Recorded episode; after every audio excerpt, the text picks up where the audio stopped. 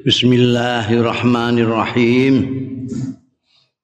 Qala al-muallif rahimahullah wa nafa'ana bihi wa bi ulumihi fid dharain amin.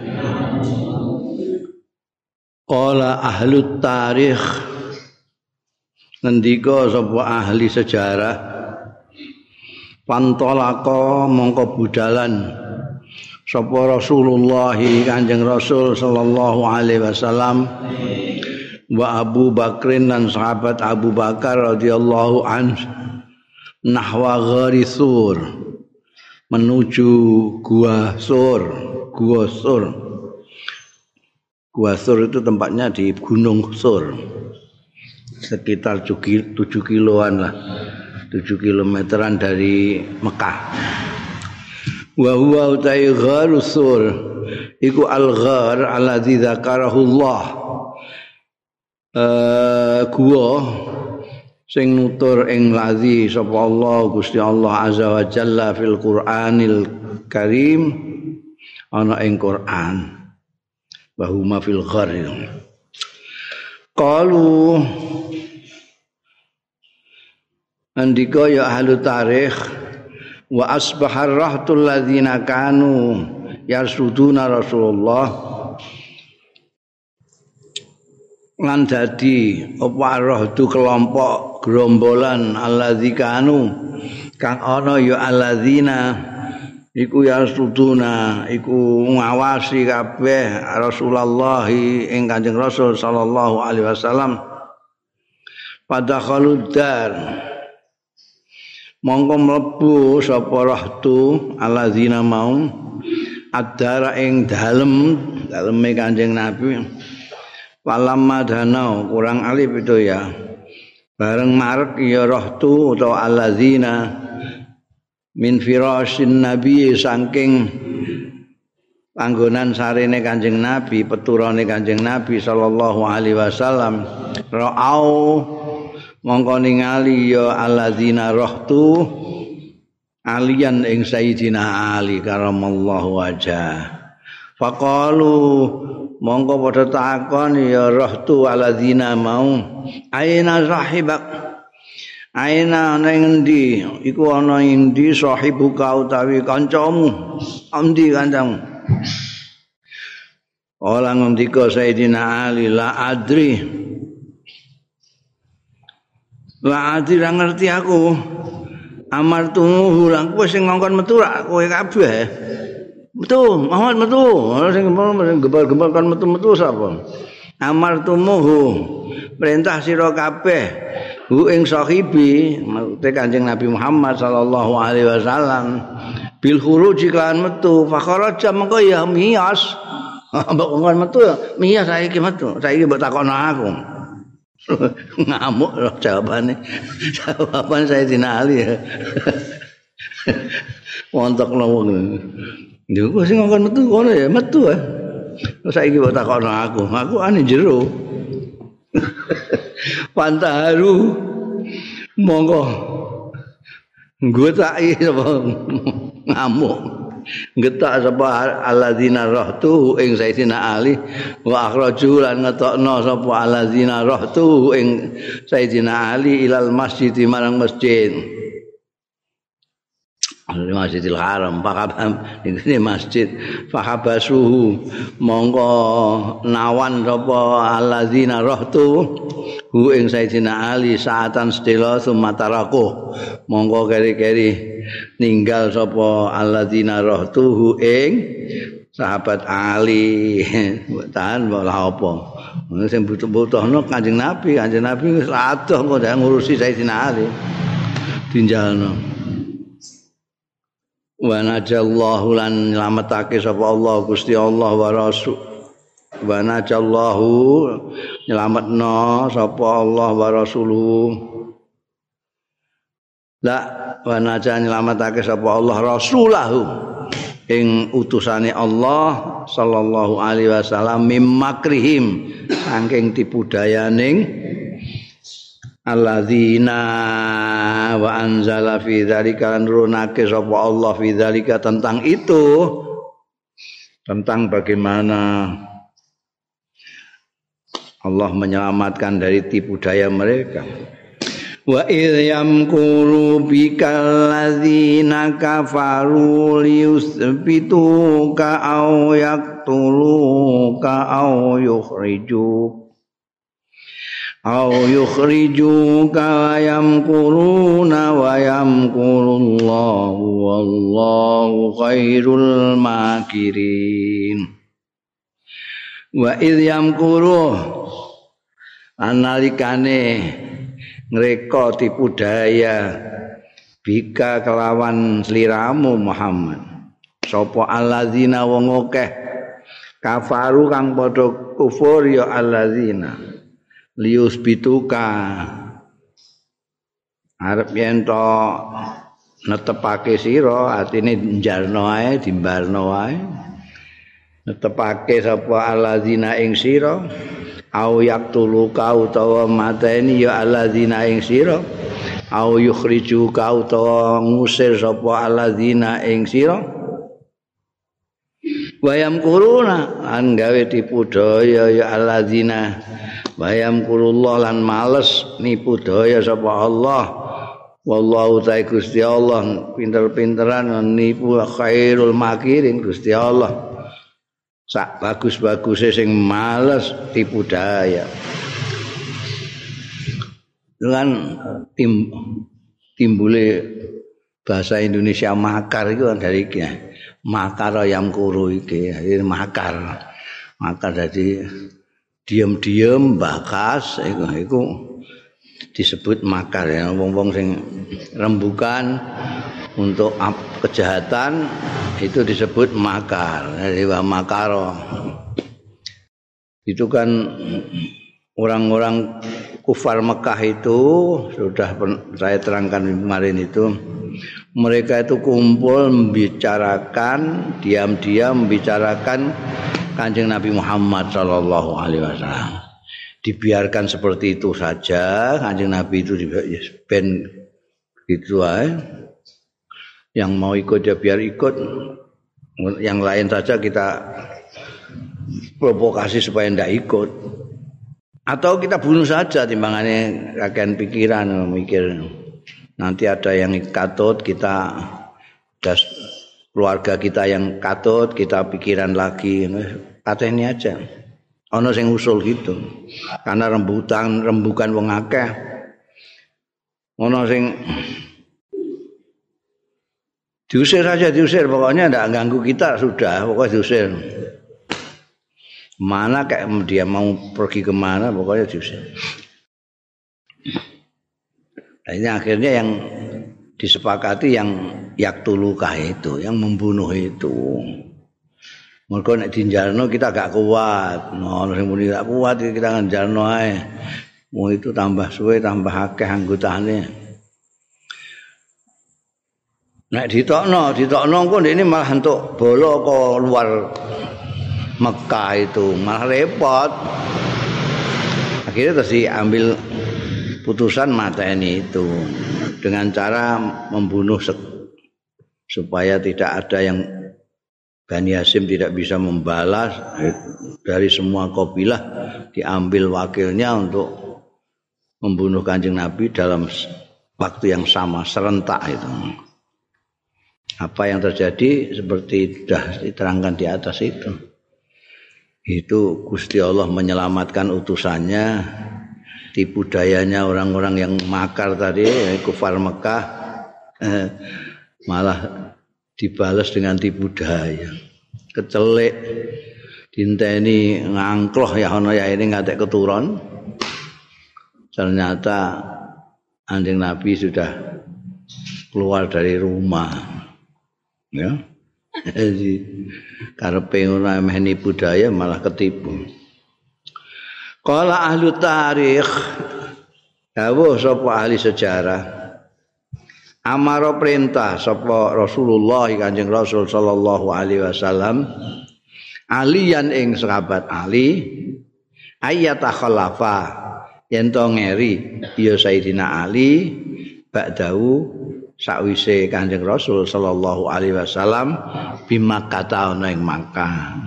Kowe rasa melu se ya ben kata yu'addiya sehingga nekake sapa Ali an Rasulillah saking Kanjeng Rasul sallallahu alaihi wasallam al-wada' lo ya.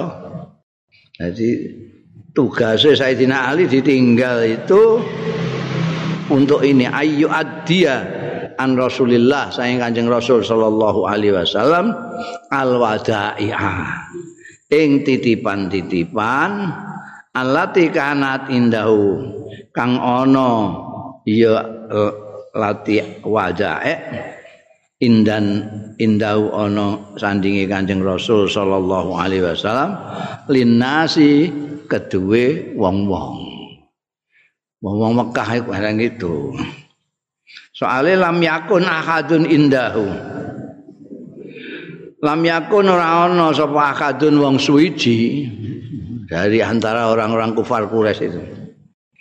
Indahu kang iku ana sandingi ahadun apa saiun sesuatu suwiji-wiji ku sesuatu yuksa sing dikuatirake alai ing atase syai illa wadaahu kejaba nyelehno ya akad hu ing syai inda rasulillah ana asane kanjeng rasul sallallahu alaihi wasallam. Kena apa?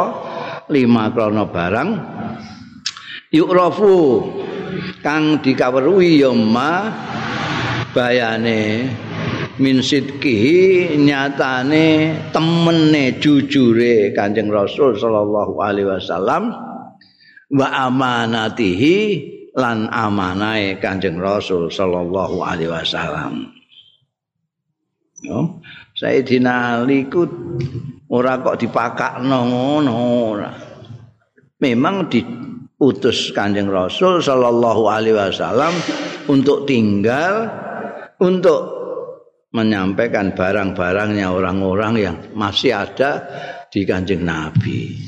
Karena tidak ada satupun orang-orang kufar Mekah itu yang memiliki sesuatu barang apa-apa yang berharga yang khawatir kalau hilang, khawatir kalau itu ataukah dia bepergian barang ini supaya ada yang jaga. Itu mesti ke tempatnya kanjeng Rasul Shallallahu Alaihi Wasallam. Mesti amane mesti ora kalonge mesti amanae mulane ngantek dijuluki wong akeh kabeh dijuluki al amin itu karena terus kemudian terus tinggal tempat titipan itu. Wis dimusoi tapi dititipi. Itu gendenge wong mana diarani jahiliyah ngono iku wong wis dimusoi barang kok isih titip. Mergo mek kancane dhewe ora pati ngandel ora pati percaya. Jadi dia pun jahiliyah itu ora masuk akal. Kayak wong saiki ngono. Ora masuk lha iya piye wong dipercaya kok dimusoi wong wis dimusoi kok dipercaya ae. Aneh. Kanjeng Nabi karena amanahnya jadi ini kalau ditinggal pergi bagaimana ini? Harus ada yang mewakili untuk menyampaikan kepada si empunya masing-masing iki mbek kanjeng Sayyidina Ali dawuhi iki wae fulan iki wae fulan iki wae noyo iki wae suto ana kabeh ya aja ngantek orang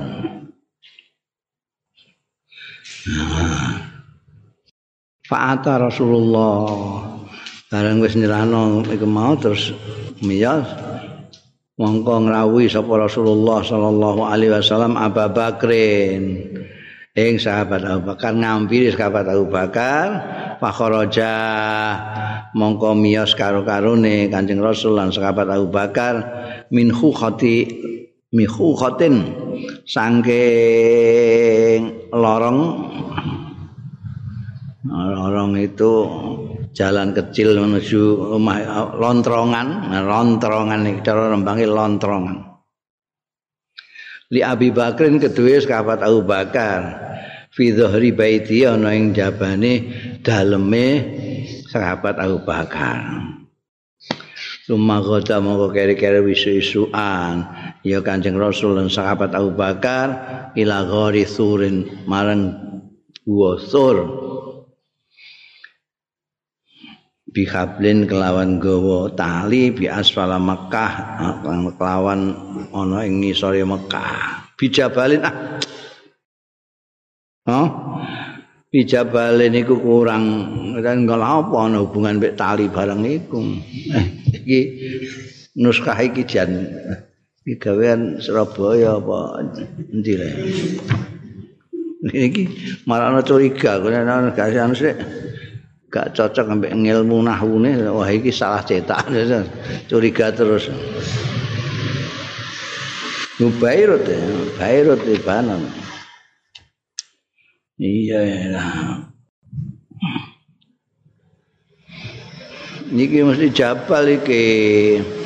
ila ghairi saurin bijabalin lawan gunung sing panggonane bi asfala Makkah di bawah Mekah Mekah itu dhuwur kering isar baru tambahi titik ngono ae rasa mbok wae ala sawab ala sawab bareng. Eh? Muga kena didol nek kitabmu. Asfala Makkah fatakhalahu mongko mlebet ya kali-kali Kanjeng Rasul sallallahu alaihi wasallam lan sahabat Abu Bakar hu ing gua sur mau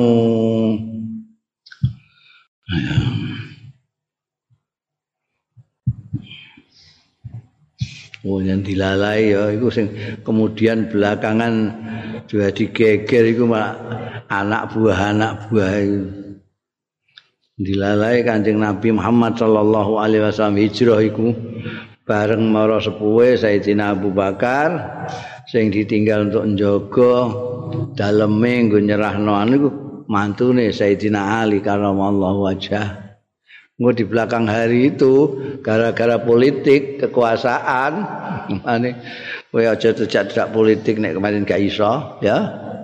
Gak niatmu gak bener gak iso rasa berpolitik niku gara-gara politik.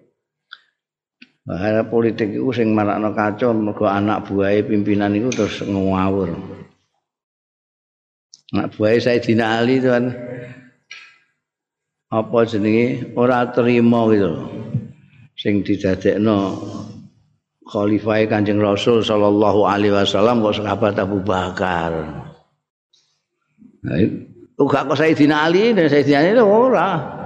Ajine selawase ngono ya. Wong kok pimpinane iku ora lapo-lapo to ngisore iku petentengan gak karu-karuan. eh iku. Gak gak ana hubungane Sayyidina Ali ku hormat karo sahabat Abu Bakar juga seperti sahabat-sahabat yang lain. Kan Abu itu sahabat Abu Bakar itu muring-muring karepe dhewe. Ora ngerti sejarah soalnya. Cara cah milenial ora piknik. Ora ora kok kurang piknik ora piknik blas. Hmm. terus dipisah-pisah kapan apa kan dipisah-pisah. Ya. Ya itu ya dinamikanya ya.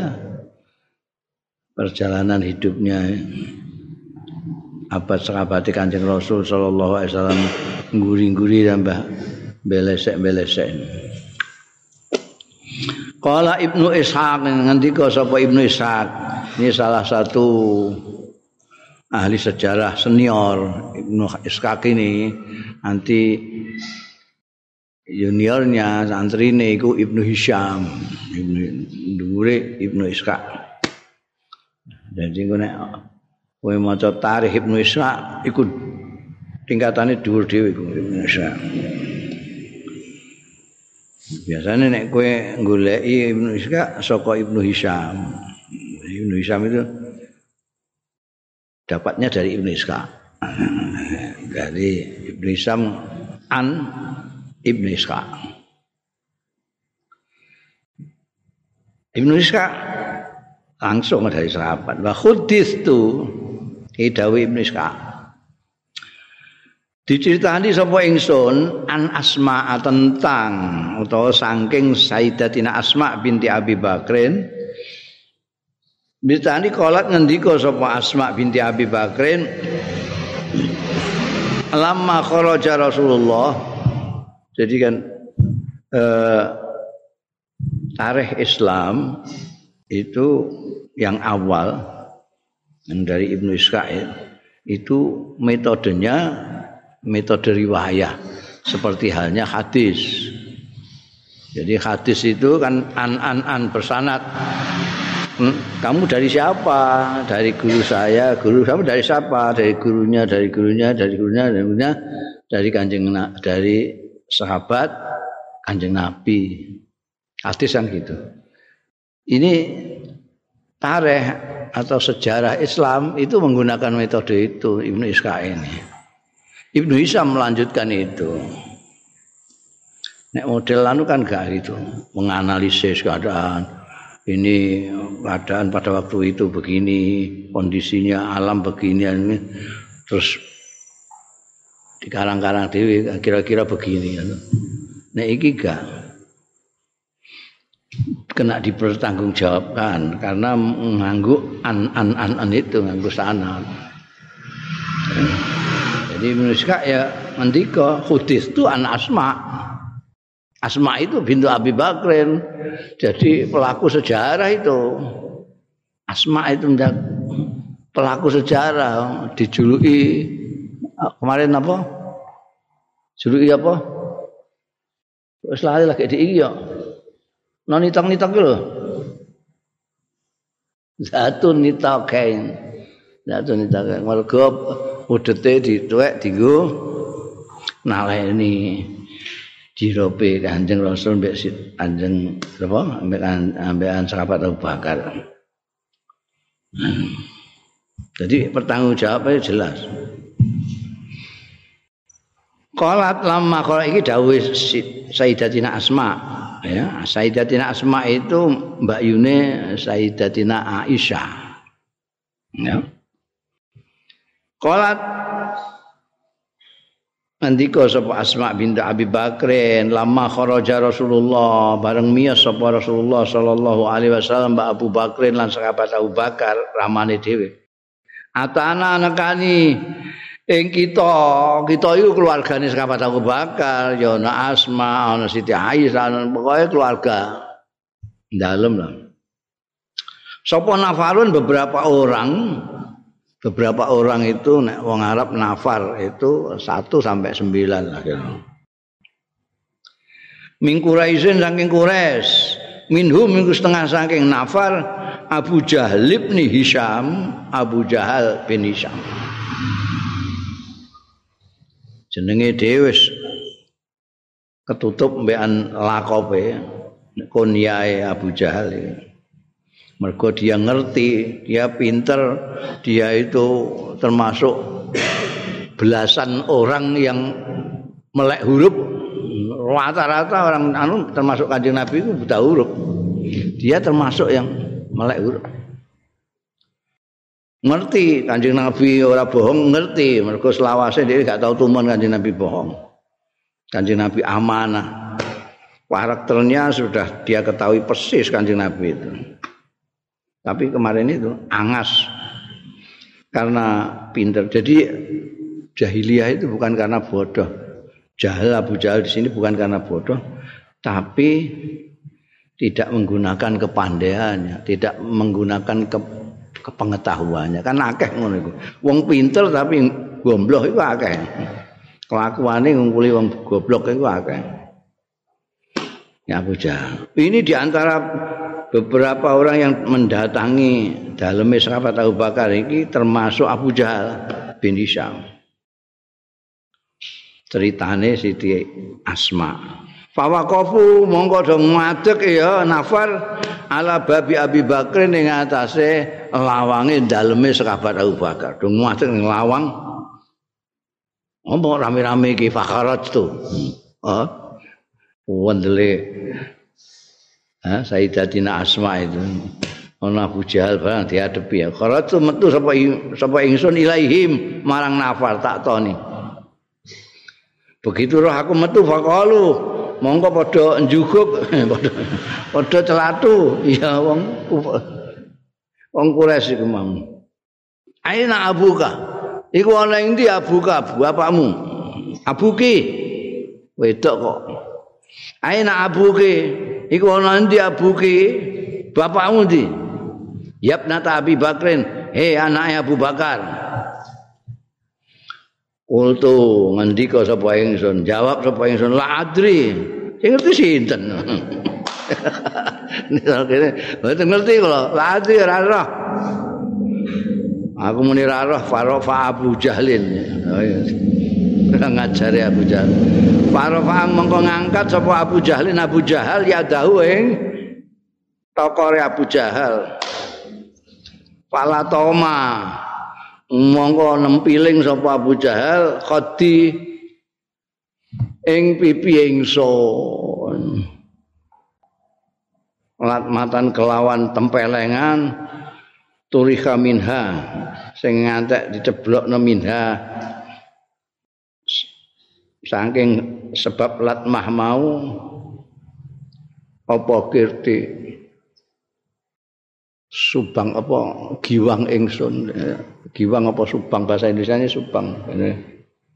Anting-anting ya ya wong pilih buah terbuang ngantian kono coplok kok.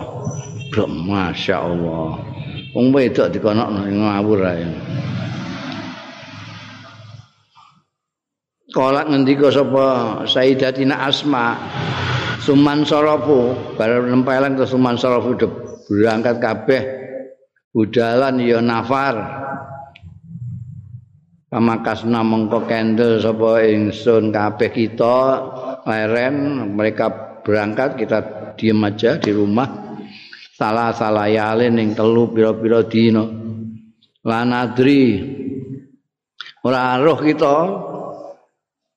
Aina ana ing endi wajah Rasulullah sallallahu alaihi wasallam ke arah mana Kanjeng Rasul sallallahu alaihi wasallam? Terus jalan ngerti kita.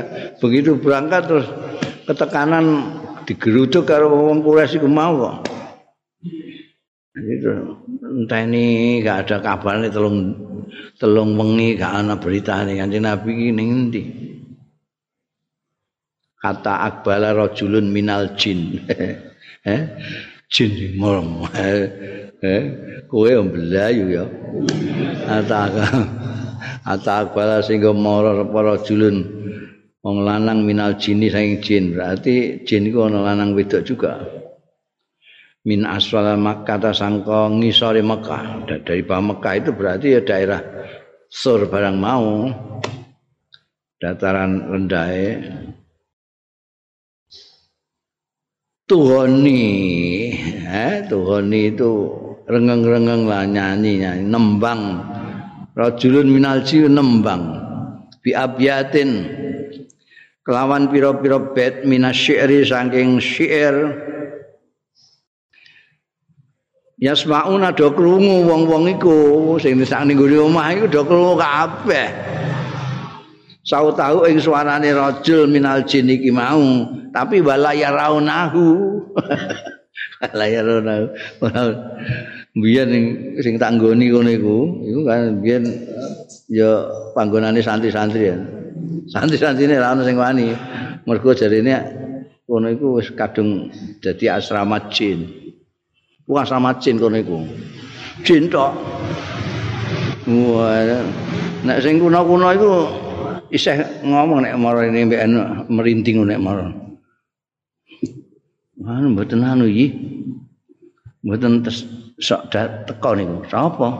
Niku sing penghuni mriki. Nah, ora wani aku. Biyen niku. Mari kok didandani ku ya santi-santi akeh sing digodha. Eh, gawe lawang juk-juk lawange nutup dhewe gak iso metu. Urusane ngono-ngono iku, eh. Ya ora lagi bar dilabur orek-orek ambek nareng ngono. Jin. Iso anu suarane barang ngono medeni tapi gak ana sing roh. rupane piye gak ora pancen gak ketok bangsa halus jenenge Mudeni wong iki ngono. Oh, do krungu suarane, nyanyi rengeng-rengeng tapi sing nyanyi sapa gak jelas. Bahwa kali tapi suaranya jelas. Nganti iso ditulis ngene kok, berarti jelas banget itu. Andal bahwa aleutai rajul minal jin. Iku yakulun tuh yugani tagonna mau ya macane ora tuwoni ya tagonna rengeng-rengeng. Tagonna bi abiyatin minasyairi bahwa yakul jazallahu rabbun nasi khaira jazaihi rafiqaini qala khaymatai ummi ma'badi huma nazalaha bil huda wa tadau bihi fa aflaha man amsa rafiqa muhammadi liyahni bani ka'bin makanu fatatihim wa maq'aduhum lil mu'minina bi mirsadi jazallahu rabbun nas muga manai ganjaran males sapa Allah Gusti Allah Rabbun nas ya pangerane manusa. Khaira jazai ing sak bagus-baguse walese ganjarane Allah. Muga-muga bales menahi ganjaran rafiqa ini. Ing teman dua sing runtang-runtung barengan kanca loro Ola sing padha istirahat rafiqa ini. Ola iku istirahat siang hari dari sana keluar istilah kailulah itu. Nah, kailulah itu istirahat siang hari. Khaymatae Ummi Ma'badin ing kemah lorone Ummi Ma'bad. Ummi Ma'bad itu dari Bani Ka'ab itu perempuan yang dermawan dia memberikan tempat kemah dua untuk anjing Rasul Shallallahu Alaihi Wasallam dan sekabat Abu Bakar Siddiq. Huma nazalaha huma utawi rafiqaini iku nazala singgah karone ha ing ummi ma'bad bil huda ana ing siang hari Wah tadau lan awan-awan ya mereka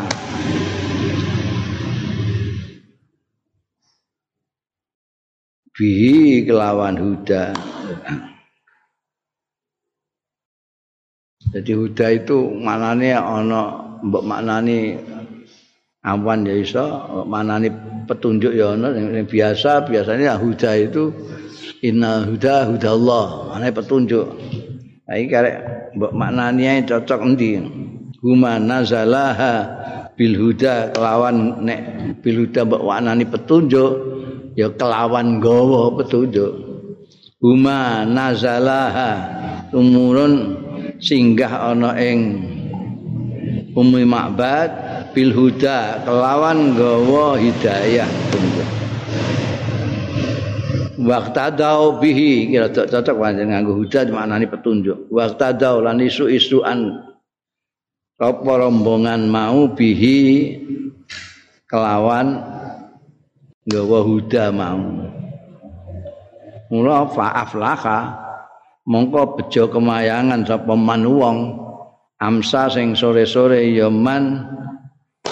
Sore-sore iku rafiqa Muhammadin ngancani Kanjeng Nabi Muhammad sallallahu alaihi wasallam. Liyahni supaya memberikan selamat Bani Ka'bin ing Bani Ka'ab apa makan fatatihim panggonane gadis-gadise Bani Ka'ab. Wa maq'aduhum lan panggonan lenggahane Bani Ka'ab lil mukminina kanggo wong-wong mukmin imersodi ana ing tempat pengawasan. Iki suarane jin iku mau. Jadi kancing Nabi Muhammad Sallallahu Alaihi Wasallam dalam perjalanan itu dikisahkan seperti yang direngeng-rengeng nombean uh, jin ini singgah di tempatnya Umi Ma'bad. Umi Ma'bad itu seorang perempuan dari Bani Kaab. Hmm. Beliau singgah di situ dengan rombongannya. Rombongannya jadi juga sahabat tahu bakar tok itu. Itu ada kemarin itu Amir Amir bin Fuhaira, ah? Itu itu kan ikut juga. ya dianggap oleh jin ini mau itu kebanggaan untuk Bani Ka'ab itu disinggahi Kanjeng Rasul sallallahu alaihi wasallam yang membawa hidayah dari Allah, membawa Islam, membawa nur, membawa cahaya kehidupan, membawa pedoman hidup. Qalat dawuh sapa Sayyidatina Asma. Jadi telung dino itu kita itu gelisah. Ini ke mana ini arahnya? Setelah ditinggal rombongannya Abu Jahal tadi, mereka tiga hari nggak dengar kabar berita tentang Kanjeng Rasul dan Sayyidina Abu Bakar. Sampai kemudian kerungu rengeng-renge jin. Kolat. Saiki kok wis gak pati ana pindah ning di jin-jin iku. Eh? jin iya ora kerasan jin mergo wonge luwih jahat timbangane jin. jin itu biasanya jin sing godani wong iki wong sing gawe godani jin ilang wedi kabeh jin-jin embek manusa wedi wedi nek ning gone kono iku wah antri tak bareng kaono sing Oh, iku kan murah. Panah sing lumarang ku sing pondok kene. Iku lumarang. Mergo dinggoyo-oyoan. Tanah sing di pondok pondokmu itu itu mbiyen luarang banget. Mengambil kesempatan sing duwe iku karena banyaknya yang penawar. Ditawar kene kene diundai arang nek iku kono iku murah banget. Mergo didol gak payu disewakno wonge lara ngono terus ae. Lara digunani eh digodani karo jin-jin iku. Wong asrama jin dinggo ning kono. Santi-santi yo gak tahan ning kono, akhire terus tangguh aku iku. Terus santi-santi tak kon maca yasin ning kono beberapa malam panas nawa terus pindah. Mbah pindah mbah ndi? Mbah nek pindah ngidul kono.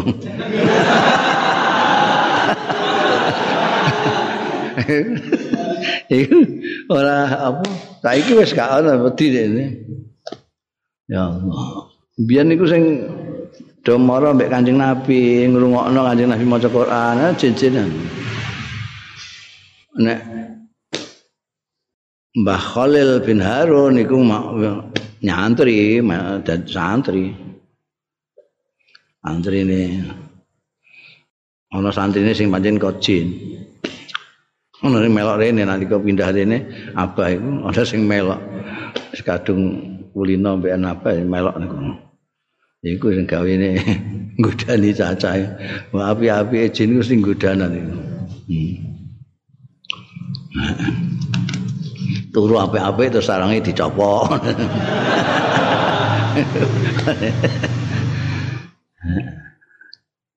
Falamma sami'na bareng rungu sapa kita, kita keluarga bareng mireng kaulahu ing ucapane rajul minal jin mau arafnahu. Mongko ngerti kita ing taujihu Rasulillah sallallahu alaihi wasallam. Mau gak ngerti. Kemana kanjeng Nabi ku la nadri aina wajah Rasulullah sallallahu alaihi bareng krungu suarane kita ngerti kita.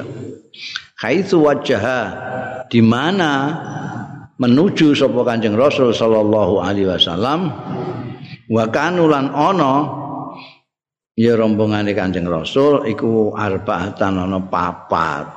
Pertama Rasulullah sallallahu alaihi wasallam sendiri wa Abu Bakrin sahabat Abu Bakar radhiyallahu anhu wa Amir bin Fuhairah wa Abdullah bin Uraikid. Ingat Abdullah bin Uraikid adalah daliluhuma. Pandu penunjuk jalannya Kanjeng Nabi mbek sahabat Abu Bakar. Iki isih kape nalika. Jadi tapi dipercaya untuk karena dia pelacak ngerti dalan. Faslon rawa ruwiya dan diwetake Nabi Hurairah ta. Saing sahabat Abi Hurairah radhiyallahu anhu qal ngendika sahabat Abu Hurairah lamma tuwfiya semongso-mongso kapundhut sapa Rasulullah Kanjeng Rasul sallallahu alaihi wasallam Koma jumeneng sapa Umar sahabat Umar bin Khattab radhiyallahu anhu. Faqala mau ngendika sapa sahabat Umar Inna rijalan minal munafikin. Setuhune wong lanang-lanang minal munafikin. Saking wong-wong munafik Ya samuna padha nyono padha ngaku-ngaku ya rijalan. Anna Rasulullah setuhune Kanjeng Rasul sallallahu alaihi wasallam iku tuwfiya kapundhut. Iku wong munafik-munafik ngabar-ngabar Kanjeng Nabi kapundhut. wa inna rasulullah sedune iku huwa. Hmm. wa inna rasulullah sedune kanjeng rasul sallallahu alaihi wasallam. Mamata ora mati sapa kanjeng rasul. Rasul mati piye? Ora mati. La ora ono balakin naudzuhi babi walakin nawangi tetapi ini Rasulullah sallallahu alaihi wasallam iku zuhi babi dilungakno apa bi Kanjeng Rasul? Ila rabbi marang pangerane Anjeng Rasul sallallahu alaihi wasallam. Kama zuhiba kaya den lungakno. Dilungakake sapa Nabi Musa Nabi Musa bin Amran bin Imran. Musa bin Imran kok ninggalake umate? Ha? 40 dina pancen di dawuhi Gusti Allah dikongkon lunga. Iki ya ngono Nabi Muhammad iki ngono. Iku wong munafik muni wis mati. Wahoba mongko ilang sapa Nabi Musa. Ilang kok angkaumihi saking kaume gak ono ning di tengah-tengah kaumnya. Pergi pancen. Arba'ina lailatan ing dalam patang puluh apane lailatan bengine. Tapi kan sumaroja mau kali-kali kondur sapa Nabi eh, Nabi Musa ba'da angkila mata sakwise ento dikabarno ngendikakno mata kapundhut napa Nabi Musa. Nabi Musa mbiyen kan tindak 40 dina ana sing ngarani kapundhut ngantek terus do nyembah apa pedet emas e kok. Nek digawe karo Musa Samiri. Iya iki yang ngomong, iki kanjeng Nabi iki ora ora kapundhut iki. Wallahi la yarji'anna Rasulullah. Demi Allah, yakti bakal bali tenan sapa Rasulullah sallallahu alaihi wasallam. Pal yuk pal yakta namko. Teman-teman ngetok temenan ya Rasulullah aidi rijalin wa arjulhim. Aidi rijalin ing tangan-tangane wong-wong sing muni Kanjeng Nabi kapundhut mau. Wa arjulahum lan sikil-sikile. Oh. Wong ditebas kabeh. Tangan-tangan sikile. Sing muni Anjing Nabi kapundhut. Sing yasamuna padha ngarani apa rijal anna Rasulullah setune Kanjeng Rasul sallallahu alaihi wasallam ku mata kapundhut Kanjeng Rasul. Kala ngendika sapa sahabat Abu Hurairah? Wa akbala. Lan rawuh sapa Abu Bakrin. Madhep sapa sahabat Abu Bakar radhiyallahu anhu. Kata nazala sehingga mandap ya sahabat Abu Bakar. Ala babil masjid ana ing lawang masjid hina balaghul khabar nalikane sampai ing sahabat Abu Bakar apa al khabaru khabar krungu nek berita nek Kanjeng Nabi kapundhut. Reaksi ini sahabat umat terus ngamuk mau munafik sing ngabari dianggap munafik kabeh. Wawas ketoki sikile mbek tangane mbek Kanjeng Nabi nek kondur sementara sahabat Abu Bakar rawuh ning ngarep lawang masjid ya dikabari. Nalika iku wa Umar Khalil utahe sahabat Umar radhiyallahu anhu iku syekh yukallimun nas. Sedang bicara sama orang-orang, isih ngomong mek wong-wong. Titeni wong munafik munafik sing ngandakno nek Anjing Nabi kapundhut awas kok. Falam yaltafit mongko ora melengak blas malah gak ngepesa ora melengak ana sahabat Abu Bakar rawuh barang sak melengak isih tetep eh ngomongi wong-wong iku wong sing grombol ning kono. Membicarakan berita kematiannya Kanjeng Rasul sallallahu alaihi wasallam.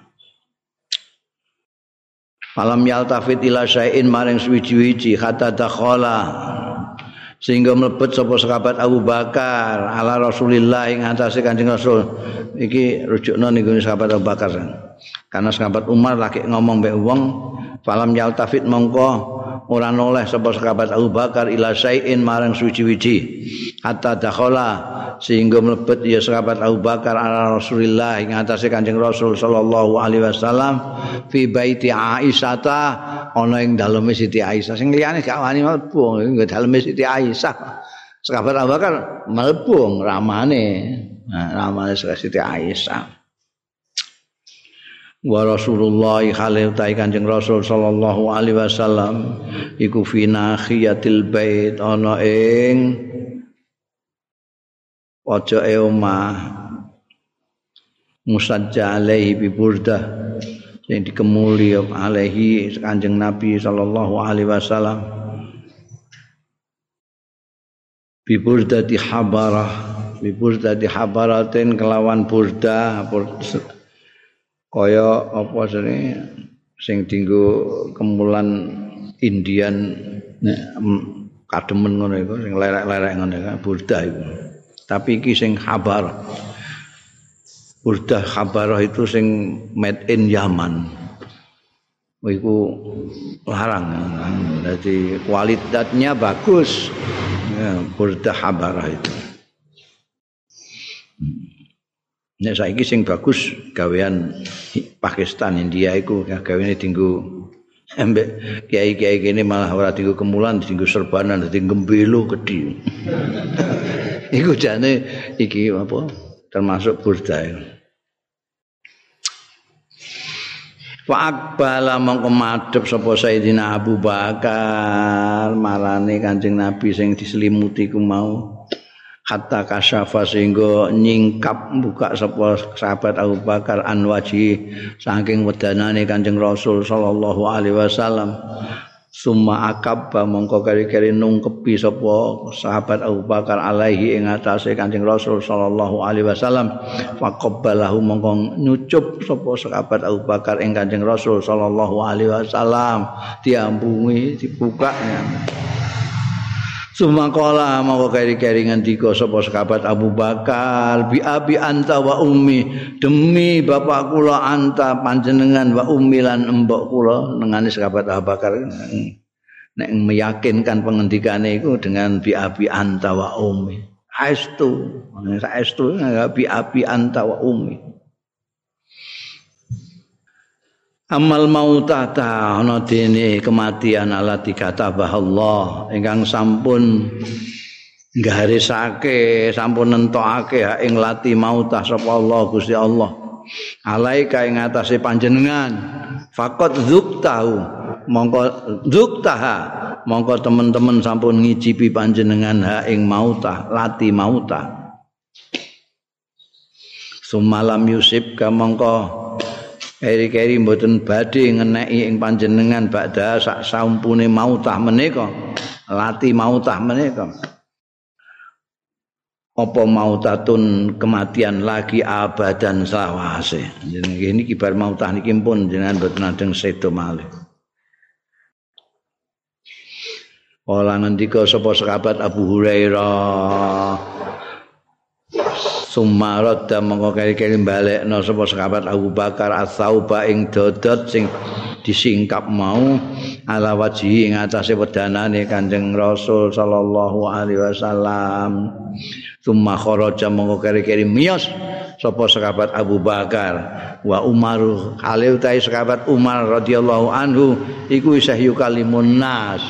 Sel saya terus saya pidato kan eh ngendikani anasa ing wong-wong Pakola mongko dawuh sapa Abu Bakar, ala listrik ya Umar. Saya, engko saya, ya Umar. ala listrik itu engko saya, aja aja kesusu aja aja ngamuk terus ngamuk ngono. Ala listrik tenang, tenang, tenang. Ya Umar we Umar. Engko saya aja aja mana? apa gak gelem sahabat. Biasane ini kormate ra karuan wis sahabat bakar iki dilokno sing sing aja anu aja emosi ya terus apa ora kersa sapa sahabat Umar illa ayatakallama kejaba yen to ngendikan ya sahabat Umar. Wis pokoke terus ngomong terus ora gelem dikongkon leren sik leren sik sik aja emosi aja. Wis ora pokoke geneman terus oh ngarani kanjeng Nabi kapundhut piye Falamma ra'ahu bareng mersani hu ing sahabat Umar sapa Abu Bakar sahabat Abu Bakar. Ditingali dipesani layun sit orang ngrungokno sapa sahabat Umar dia omongi ora dirungokno akbal ala nas. Mongko madhep sapa sahabat Abu Bakar ala nas sing ngandani sahabat Umar uga digatekno langsung ning gone wong-wong ae sahabat Abu Bakar. Palamma sami annas ayuhan nas. Muling mono bareng krungu sapa annas manusa kala mau ing pengendikane sahabat Abu Bakar akbalu do madhep ya nas alai ing atase sahabat Abu Bakar wa tarakulan tinggal ya nas Umar ing sahabat Umar radhiyallahu anhu. Jadi begitu dengar suaranya sahabat Abu Bakar mereka balik cengkelak sing asale ngrungokno sahabat Umar tinggal sahabat Umar ngrungokno sahabat Abu Bakar. Nudono nek sahabat Abu Bakar sahabat Abu Bakar di atas sedikit dari Sayyidina Umar Barang kabeh wis madhep pahamidallah. Mongko muji sapa sahabat Abu Bakar Allah ing Gusti Allah wa asnalan ngalembono alaihi ngatasé Gusti Allah. Sumakal mongko keri-keri dawuh sapa sahabat Abu Bakar ya ayuhan nas e wong-wong mangkana ya budu Muhammadan fa inna Muhammadan qad mat. Wis mangkana sapane wong kana kang ana ya man. Ana iku ya butuh nyembah ya man Muhammadan ing Muhammad. Fa inna Muhammadan maka sunni Muhammad iku mat teman-teman wis sedo ya Muhammad. Apa sing nyembah Muhammad? Muhammad wis sedo. Mamangkana ya Abdullah Tai sapane wong sing nyembah ya man. Allah ing Gusti Allah. Fa inna Allah mongko stune Gusti Allah iku hayyun moho gesang layamutu ora bakal kapundut ya. Summa ta'ala mongko keri-keri. Mau sapa sekabat Abu Bakar? Hadhil ayat yang iki ayat. Wa ma muhammadun illa rasul. Qad halat min qabli rusul Afa imma ta'au qutilan qalabtum ala aqabikum? Wa ma Muhammadun ra'ana utai kanjeng Nabi Muhammad illa rasulun. Kejaba utusan. Qad kholat kang wis kliwat mim qabli saing sadurunge Anjing Nabi Muhammad. Sapa rusul utusan-utusan? Kanjeng Nabi itu penerus estafet saja. Dulu-dulu ada utusan-utusan Gusti Allah pirang-pirang. Kapundut genteni utusan neh kapundut genteni iki kanjeng Nabi Muhammad sallallahu alaihi wasallam ya seperti itulah. Apa imata mongko ana ta lamun kapundhut ya Muhammad.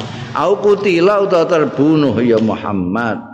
Ing mau kembali sira kabeh ala aqabi ing atase tungkak-tungkak ira kabeh wis do murtad ila akhiril ayat di waos kabeh Kala ngendika sapa sahabat Abu Hurairah, "Wa wallahi maka demi Allah, lakana lakaanan nas, kaya-kaya setune manusuk-manusuk kaget kabeh. Wong-wong sing kaget.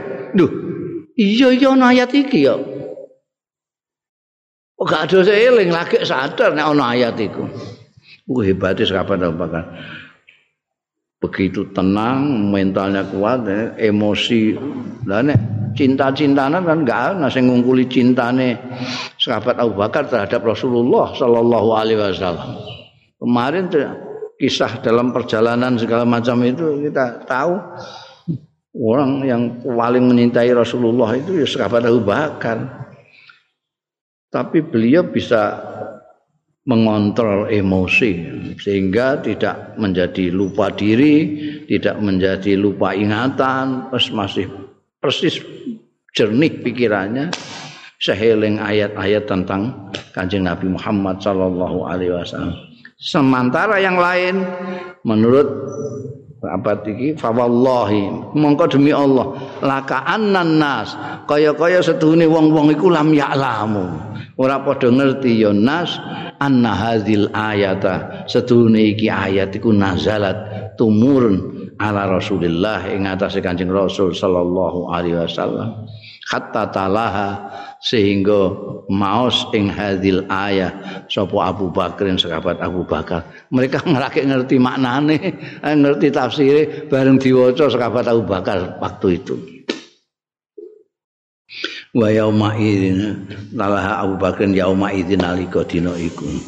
Wa akhadhahan nas wa an Abi Bakrin lan do ngalap ing ayat mau sapa anas wong-wong an Abi Bakrin sang sahabat Abu Bakar radhiyallahu anhu.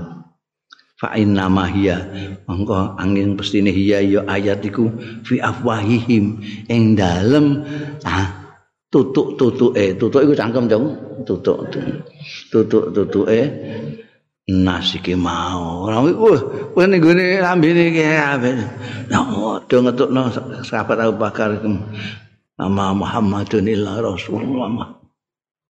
Kaya kaya gak tau Kala Abu Hurairah ngendika sapa sahabat Abu Hurairah? Kala Umar. Umar iki ini kan di antara nas iku ana Umar mau. Sing terus diklewet mek wong akeh.